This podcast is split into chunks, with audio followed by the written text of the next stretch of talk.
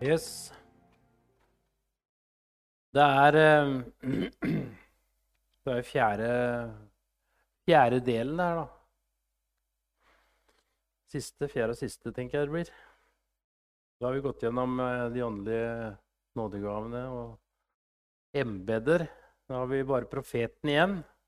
Eller profeten og sier det til læreren også, kanskje. Um, Det står eh, at Herren Gud han gjør ikke noe uten å åpenbare sitt skjulte råd for sine tjenere, profetene.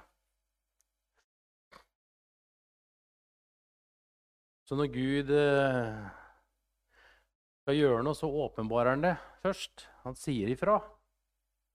Det er jo veldig bra. Profetene mottar åpenbaring fra Gud, og de, de, taler på en måte på, på hans veier. da, På hans vegne. På Guds veier.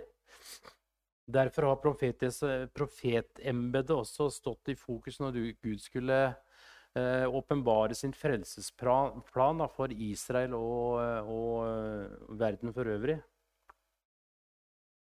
Og Hebreerne 1, vers 1, åpner jo med mange ganger og på mange måter har Gud i tidligere tider talt til fedrene gjennom sine profeter. Og Derfor så har den profettjenesten en, en, sentral plass da, i, eh, både i Gammeltestamentet og, og i Nytestamentet. Det var gjennom eh, profeten at Gud ga oss også eh, de hellige Altså ga oss Bibelen. De hellige Guds menn talte drevet av Den hellige ånd, sier, sier Guds ord. Og profetene var jo også avgjørende viktig for, for israelsfolket.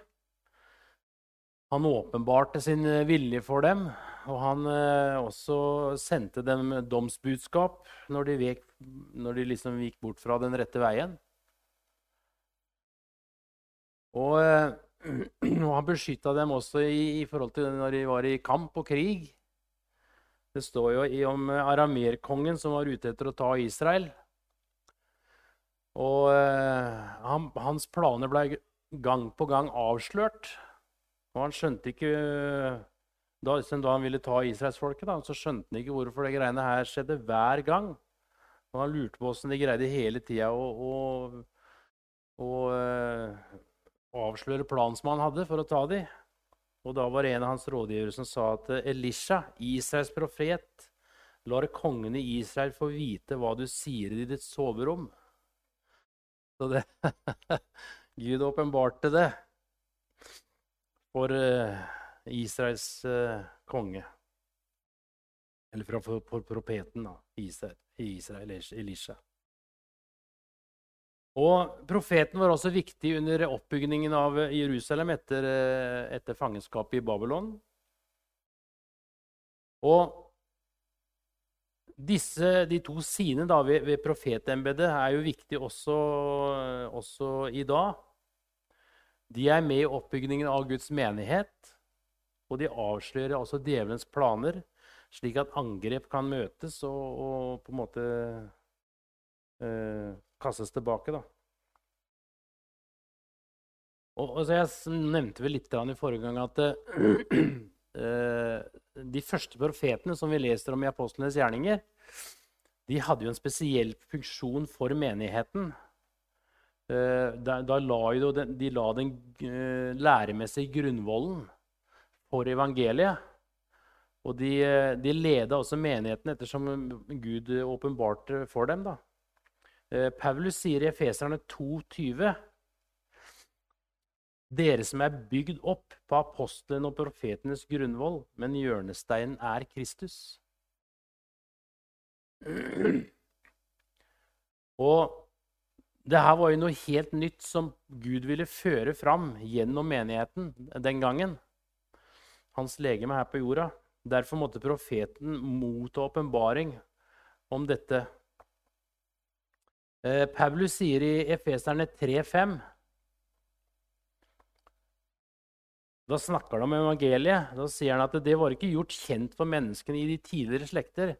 Men nå er dette mysterium ved Ånden blitt åpenbart for hans hellige apostler og profeter. At hedningene har del i samme arv, samme kropp og samme løfte i Kristus Jesus ved evangeliet. Det var åpenbart for hans hellige apostler og profeter, står det. Så vi ser at de la en grunnvoll som vi i dag bygger på. Ingen kan legge en annen grunnvoll enn den som er lagt i Paulus. Så de la den grunnvollen den gangen. Denne grunnvollen, ja, Hele byggverket står jo beskrevet veldig detaljert i Bibelen.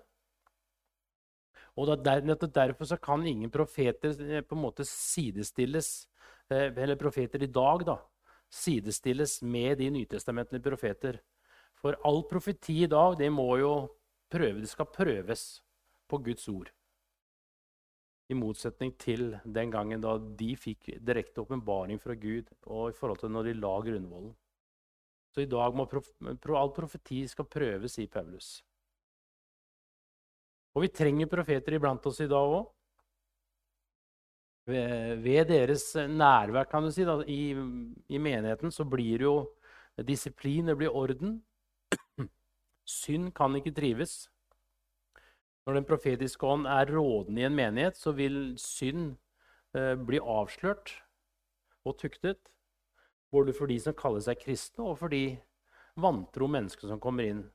Vi kan lese i 1. Korinterne 14, 24-25, så sier han jo litt om det. Men hvis alle taler profetisk når en av disse kommer inn, da vil han kjenne seg avslørt og dømt av alle.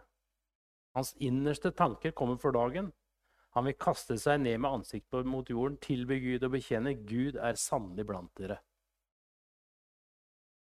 Så skal vi se på uh, fire sider ved, ved, profetisk tale eller forkynnelse. Profetisk uh, tale er oppbyggelse, formaning og trøst. Og profetisk tale er direkte, altså forkynnelse er direkte inspirert av Den hellige ånd Eh, eh, inn i på en måte det aktuelle øyeblikket. Og Forkynnelsen kan jo inneholde noe elementer av det profetiske også.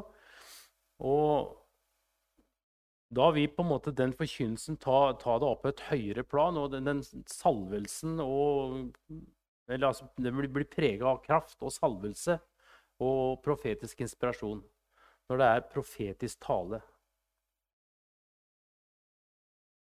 Profeten avslører også hemmeligheter. Da er det ofte profetgaven sammen med kunnskapsord som eh, er i funksjon. Profeten mottar overnaturlig eh, kunnskap om personer og forhold og taler det ut i åndens inspirasjon. På den måten så kan personer som sitter fast, bli satt i fri, syndere frelst, og også kristne som kanskje er bundet i synd, blir hjulpet ut i frihet.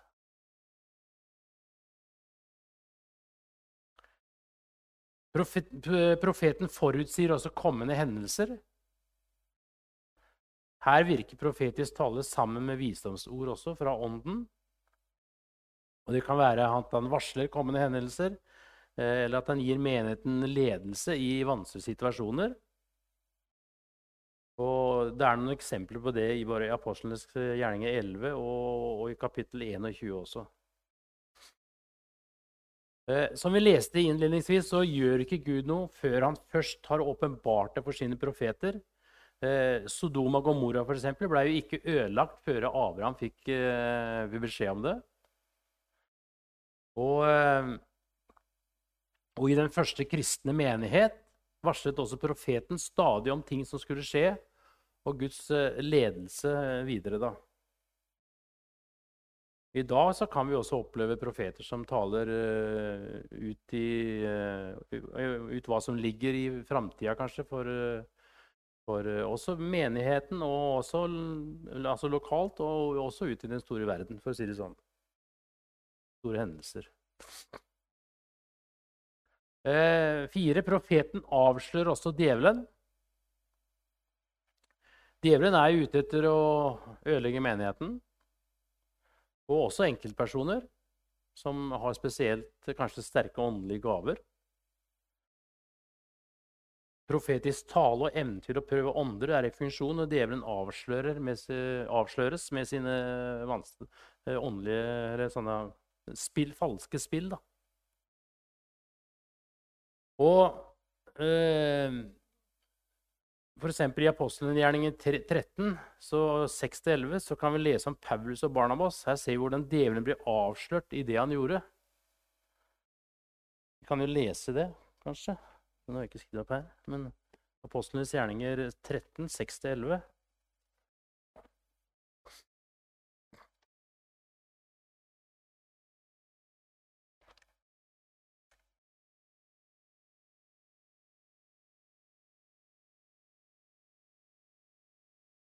Du har det der, ja? Den har jeg. Da de nå var gått over øya til Pafos, fant de en trollmann, en falsk profet, en jøde ved navn Bar, Jesus. Han var hos landshøvdingen Sergius Paulus, som var en forstandig mann. Denne mannen inviterte Barnabas og Saulus, for han ønsket å høre Guds ord. Men Elimas, trollmannen, som navnet hans betyr, sto dem imot, og han prøvde å vende landshøvdingen bort fra troen. Saulus, også kalt Paulus, så da skarpt på, han, fylt av Den hellige ånd, og sa, Du som er full av all svik og alt bedrag, du djevelens sønn, du fiende av all rettferdighet, kan du ikke holde opp med å forvrenge Herrens rette veier? Og se, nå er Herrens ånd over deg, og du skal bli blind, og for en tid skal du ikke se solen. Straks falt en mørk tåke over ham, og han gikk omkring og lette etter noen som kunne lede ham med hånden. Her ser vi hvordan djevelen blir avslørt i det han gjorde. Og det her var jo egentlig Det var en eh, nær sagt det eh, Her som bytta altså fikk Paulus eh, gikk over fra, fra, å være Saulus til Paulus. Der på en måte var den apostoliske tjenesten som virkelig kom på banen. Og eh, det ble en forvandling, et skifte nær sagt, i, i Paulus' liv i de greiene her sånn.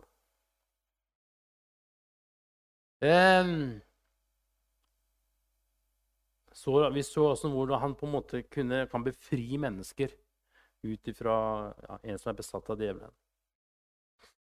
Og så er det veldig viktig at en som har en profetisk tjeneste, lever også tett med Gud. For, også, for å, og nettopp for å også kunne bevare ydmykheten i hjertet sitt. Så for hvis en, kommer, en profet kommer til en menighet og leverer en profeti, og så står det at vi skal prøve det, og kanskje vi finner ut at det der stemmer ikke helt, så er det veldig viktig at han da ydmyker seg og på en måte lar seg øh, rette også når det er ting som er direkte feil. Uh, hvis ikke han gjør det og går imot og nekter, så blir det bare sånn kjødelig uh, krangel. Og det ødelegger mer enn de bygger opp. Og det ødelegger også for han som profet. Så det er veldig viktig at han ydmyker seg. Og at han da kan gå igjen etterpå og fortsette sin gjerning. Da vil han komme på rett spor igjen. Eh, og I apostlenes hjerne så ser vi at de profetene ofte eh, er i team. Nettopp for at de kan prøve det som kommer. Prøve hverandre. Yes. Så det er vel det jeg har om, om profeten. Så vil jeg si litt om Det står om eldste i flere plasser i, også i, i Bibelen og i Nytestamentet også. Eh, I Gamle testamentet, når det gjelder eldste, så var det eh, godt voksne mennesker som satt eh, mannfolk som satt i byporten.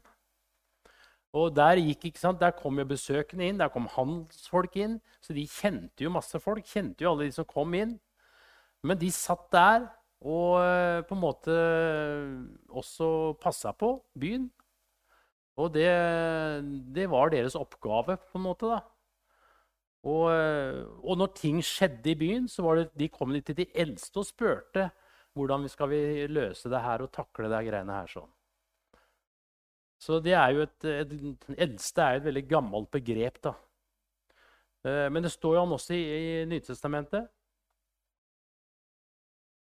Eldste står bestandig i flertall i Bibelen. Det er nettopp fordi at én eldste kan ikke lede en hel menighet. Det må være flere eldste. Som kan, eh, og det skal vi se litt på de forskjellige sidene ved ordet eldste. Men det må være flere som, som uh, står i ledelse da, i en menighet, som har en hyrdefunksjon. Det er i utgangspunktet en hyrdefunksjon. Og, og, de har altså ansvar for ledelsen av en lokal menighet. I Bibelen så brukes det fire forskjellige ord for eldstegjerning. Altså det er eldste, det er forstander, det er hyrde, og det er tilsynsmann. Det er fire ord som vi ser, en, eh, ser i Bibelen, eller i Nytestamentet. Ordet eldste, det er altså presbytoros på, på gresk, er personer som i kraft av sin alder og åndelig modenhet er skikket til å være ledere i menigheten. De, altså, de er, kan kalle de åndelige fedre i Kristus.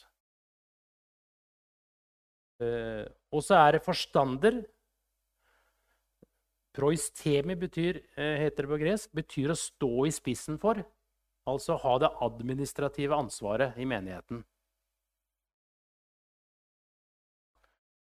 Og så har du hyrde, da det ligger jo i det her å ta hånd om jorden. Det innebærer at man kjenner sine får, forstår når noen trenger hjelp, og også Og kanskje må ha en spesiell ses det på en spesiell måte, da. Og så har vi ordet tilsynsmann. Det er en som har tilsyn med menigheten for å våke over de som, som har spesielle behov. Eh, menigheten i dag bruker for så vidt andre titler. Noen bruker forstander og eldste, andre pastor og biskop. Og da prest også, ikke sant? Så, men i Nytestamentet så er det altså de fire, ord, de fire ordene uttrykk for ulike sider ved tjenesten til de som hadde ansvar for den lokale menigheten. Det en, blir jo en slags arbeidsfordeling mellom de eldste. Alt ut ifra den nådegaven eller utrustning som hver enkelt av de hadde. da. Menigheten her sånn, vi praktiserer jo tjenestegaver i lederskapet. Vi har forskjellige tjenestegaver. Som er jo veldig lik det siste her som vi, som vi snakka om. Og personlig så har jeg vel mest eh, på en måte tro på det at uh, når vi har forskjellige tjenestegaver i ledelsen, så vi, der utfyller vi hverandre i de forskjellige gavene som vi har. Og det tror jeg er, eh, det er veldig praktisk, og det er Jeg opplever at det er veldig bibelsk, for å si det sånn. da. Derfor så blir vi ikke valgt inn i et demokrati, men det er uh, Vi ser hva, hva slags gaver de forskjellige har. Og så er det på en måte Gud som setter inn mennesker. Um, det er han som utvelger. Det er ingen som har alt, men eh, alle har vi forskjellige gaver som Gud har utstyrt oss med. Og dermed så utfyller hverandre på en fantastisk måte, alle sammen. De eldstes oppgave er jo å styre og lede menigheten de skal være hyrde, de skal forkynne, de skal undervise, og de skal formane. Det står i et vers i Apostlenes gjerning i 2031 så får vi et innblikk om hvordan Paulus formante. Og det er litt herlig. Våg derfor, sier han, kom i hu at jeg i tre år, natt og dag, ikke holdt opp med å formane hver eneste en av dere med tårer. Hæ? Det var ikke knyttneve eller pekefinger, men han har formant dem med tårer. Kjærligheten det var det som lå i bånn i Paulus' hjerte. Når vi leser om Paulus, så kan han virke veldig sånn hard, kanskje, når vi leser om, eh, men allikevel, han hadde et mykt hjerte. Han hadde en hard panne, det tror jeg, men han hadde et mykt hjerte. Han formante med kjærlighet. Han identifiserte seg med dem, bøyde seg ned, og så løfta han dem opp igjen. I, I, det ordet 'formane' som, ligger, som vi leser om i Bibelen, så er det oppmuntring Og det er også tilrettevisning, tilretteledning. Begge deler. Nåde og sannhet. Men kjærligheten det gjennomsyrer jo alt sammen. Og akkurat sånn behandler Herren oss også, på samme måte. Han elsker oss, men han også rettleder oss og leder oss på sin måte. I kjærlighet. Så har vi læreren. Det er jo en som Gud har på en måte utrusta til å undervise, eller lære da, andre gjennom undervisning av Guds ord. Han kan pløye dypt, men samtidig er han også i stand til å forklare ting på en, på en eh, lettfattelig måte, selv om han pløyer dypt. Og han liker selvfølgelig å studere eh, ordet, Skriften, nøye. Veldig detaljert går han også til verks ofte. I Apostlenes gjerninger 18, 24-28 så leser vi om Apollos. Han var en sånn lærer. Det står at eh, til Efesos så kom nå en jøde ved navn Apollos. Han stammet fra Alexandria. Han hadde ord i sin makt og var godt kjent i Skriftene. Apollos hadde fått undervisning om Herrens vei. Han forkynte med stor glød og underviste grundig om Jesus, enda han bare kjente til Johannesdåpen. Fantastisk. Og så står det Han begynte å tale fritt og åpent i synagogen, og der fikk Priskilla og Akvilas høre ham. Og de tok seg av ham og ga ham enda grundigere kjennskap til Guds vei. Så her sto de og hjalp ham opp. Da han ønsket å reise til Akaya, oppmuntret brødrene, hans, eh, oppmuntret brødrene ham og skrev til disiplene at de måtte ta imot ham. Han kom dit og ble ved Guds nåde til stor hjelp for dem som hadde kommet til tro. står det. For han satte jødene ettertrykkelig på plass når han i åpent ordskifte beviste ut fra Skriftene at Jesus var Messias. Så her ser vi at han var i funksjon.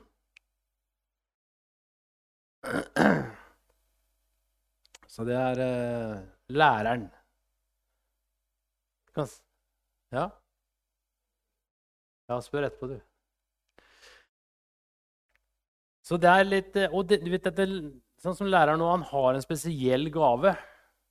Det er nå en overnaturlig gave til å kunne forklare ting, og også har spesielle åpenbaringer i Guds ord. Å, og det er altså herlig å ha det i menigheten for å, at vi lærer det som er rett da, i forhold til hva som står i Bibelen. Så nå har vi for så vidt gått gjennom alle nådegaver og tjenestegaver. Og det her er jo for alle kristne, hver enkelt. Men så har vi også andre gaver som kanskje det ikke snakker så mye, snakkes så mye om. Vi har jo mennesker som har en spesiell kanskje bønnegave. Altså De kan be, sitte og be i timevis. Og eh, de hører fra Gud. Og de, de kjenner på ting som de nå må vi be for det og det. ikke sant? Det er noe som Gud legger i dem. Det er forbedere og bønnekrigere. Og øh, Ofte så kan de også, Vi har jo bønneleder her. Liv er jo bønneleder i menigheten. Og det er ikke for ingenting. Det er fordi at bønn ligger på hennes hjerte. Så det er en spesiell øh, Og de kan også eh, lede sånne bønneteam, f.eks. For. Forbønnsteam og sånne ting også. Ofte. Så eh, det er absolutt eh, en gave som Gud gir mennesker, eller en tjenestegave. sånn sett.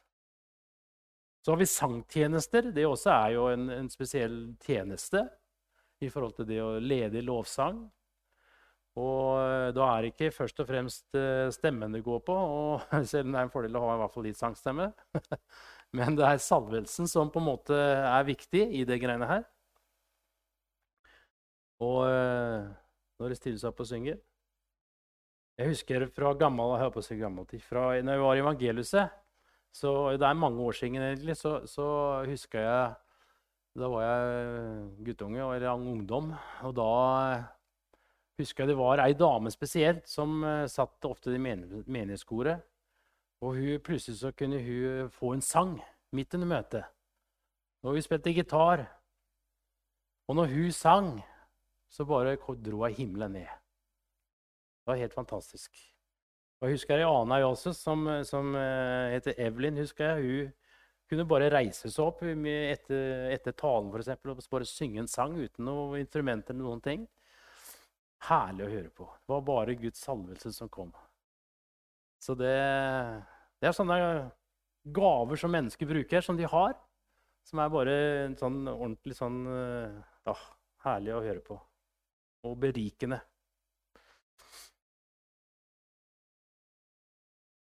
Så um, det var sangtjeneste. Så står det også om andre nådegaver. Vi, kan kan til Romerne 12,6. Der står det eh, alt, eh, alt etter den nåde som er gitt oss, har vi ulike nådegaver.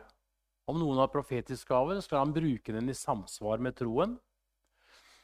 La den som har en tjeneste, ta vare på tjenesten. Den som er lærer, må ta vare på lærdommen. Den som formaner på formaningen, den som deler ut gaver, må gjøre det med et redelig sinn. Den som er forstander, må være det med iver. Den som øver barmhjertighet, må gjøre det med glede. Så her ser vi Her ser vi dele ut gaver og utøver barmhjertighet. Det står om hjelpegaver og styregaver også. Så det er flere gaver som Gud gir. Og så må vi også huske på at de forskjellige gavene, da de, Alle de forskjellige nådegavene Der er det utallige mye nyanser. da, Ut ifra også Vi har forskjellige som personer. Så det vil jo De forskjellige nådegavene vil brukes. Eh, og da vil det gjenspeile noe av personligheten til hver enkelt menneske også, som bruker de nådegavene. Så det kan være veldig mange forskjellige nyanser i forhold til f.eks. For eh, nådegave til å, til å, gi et kun, kunnskapsord, f.eks. Så kan det gjøres på forskjellige måter, og det kan være forskjellige eh, sider av det. Alt dette ut ifra den personen som, som kom med det. Gud er eh, rik, og han er eh, kreativ. Så derfor så kommer det på mange forskjellige måter. Um, vi har noe som heter diakontjeneste også. Det er mennesker som ser behov i menigheten som kanskje ikke vi andre ser. Ikke sant? For hvis det er mennesker som er syke i menigheten, så er sånne diakoner de er, det er at nå, de vil hjelpe Kjenner at de skal hjelpe den og den som kanskje sliter litt med sykdom og forskjellig. Og ja hjelpe og støtte folk. Gjestfrihet det er også en gave. Paulus sier at vi skal legge vind på gjestfrihet. Og det gjelder jo for så vidt alle, det gjelder jo alle sammen. Eh, Hebreerne 13,2 sier Glem ikke å være gjestfri, for på den måten har noen hatt engler som gjester uten å vite det, sier han. Så det er eh, viktig med gjestfrihet. Og det er jo, det er jo veldig berikende da, å ha folk på besøk. Absolutt. Så vil jeg gå tilbake til første, det første verset vi leste når vi, begynte på den første undervisninga. Lese det. 1. Peter 4,10. Ettersom enhver har fått en nådegave, så tjen hverandre med den. Som gode forvaltere av Guds mangfoldige nåde. Jeg syns det er så herlig sår. 'gode forvaltere av Guds mangfoldige nåde'. Den mangfoldige nåden gjør at vi har mangfoldigheter med tjenestegaver og nådegaver. Den som taler, skal se til at han taler som Guds ord. Den som tjener, skal tjene med den styrke som Gud gir. Slik skal Gud i ett og alt bli æret ved Jesus Kristus. Han tilhører herligheten og makten i all evighet. Amen. Det er han som skal ha all ære når nådegaver er i bruk. For det er ikke noe vi greier å produsere sjøl, vi mennesker. Det er ikke snakk om. Det er bare Gud som, som gir oss gir de, eh, som, oss som har de gavene, som gir oss det fra himmelen. Og Det er derfor det er overnaturlige gaver, og det er derfor vi også kan hjelpe mennesker i vanskelige situasjoner som ikke et vanlig menneske kan greie. Verken psykologer eller eh, noe som helst annet, leger eller noe som helst annet. Men det er bare Gud i det. Og det er veldig herlig. Og vi trenger det. Vi trenger det i menigheten. Vi trenger det når vi er eh, også ute. På arbeidsplass og hvor vi enn er, så trenger vi de gavene. vi kan bruke det overalt. Vi kan ikke bare bruke det i menigheten. Vi kan bruke det der vi er. Så begynn å bruke det du har fått.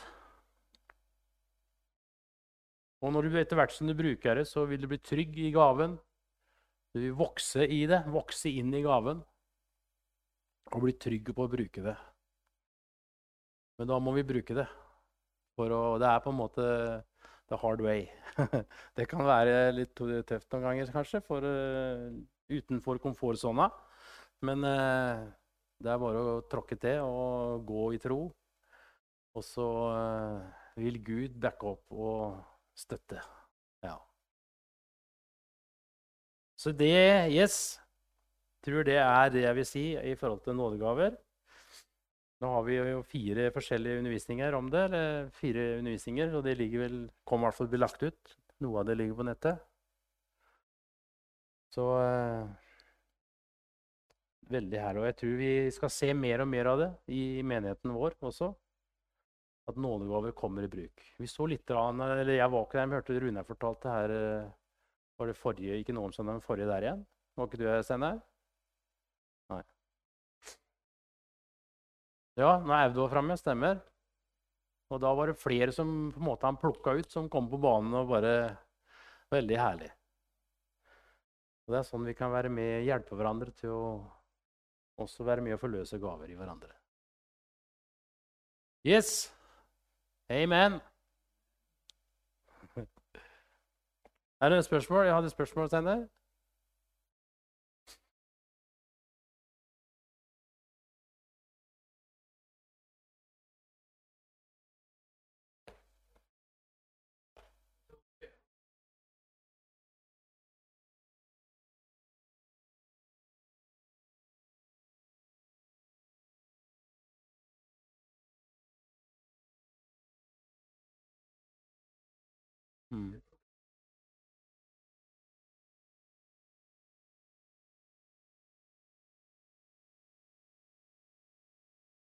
Nei.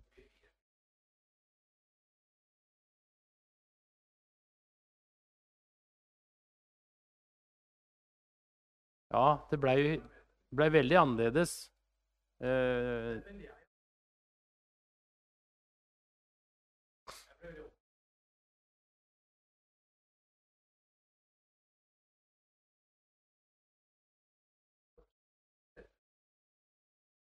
Mm. Mm.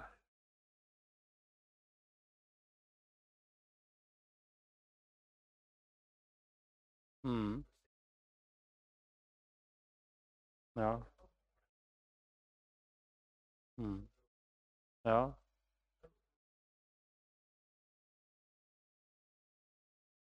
Mm. Mm. Ja. Det er jo, du vet, Hele Gamle testamentet er jo full Det er jo full det, altså det er jo Jesus i en rød tråd. Men så, det er jo fullt av eh, altså, Det som du finner i Gamle testamentet, er jo masse eh, som Det blir jo oppfylt i Det nye testamentet, alt sammen. Og du finner utrolig mange eh, både profetier, og du finner også bilder av det f.eks. Eh, tempelet. Vi, nå er det vi som er åndens tempel. ikke sant? og alt det greiene her. Fantastiske bilder på det som vi lever i i dag. da. Så det er mange skatter i Det gamle testamentet som vi, som sier, som, som vi trenger å kanskje kjenne til enda mer. Ja, det var jo det som var problemet. Nei. Vi har ikke vært under loven, vi, sånn som de heller. Ja, det er sånn. Men uh, Men i hvert fall så, så var det veldig annerledes. Det er derfor Paulus han var hedningenes, hedningens apostel. Og derfor så han så lys, fikk han så lys over nettopp evangeliet og nådebudskapet. Og rettferdiggjørelsen det her som vi leser om i Romerne. Og det, var, det er klart det var meget viktig, for, spesielt for jødene også, å få inn de greiene der sånn. Men det er også viktig for hedningene, selvfølgelig. For oss. Ja. Så Ja.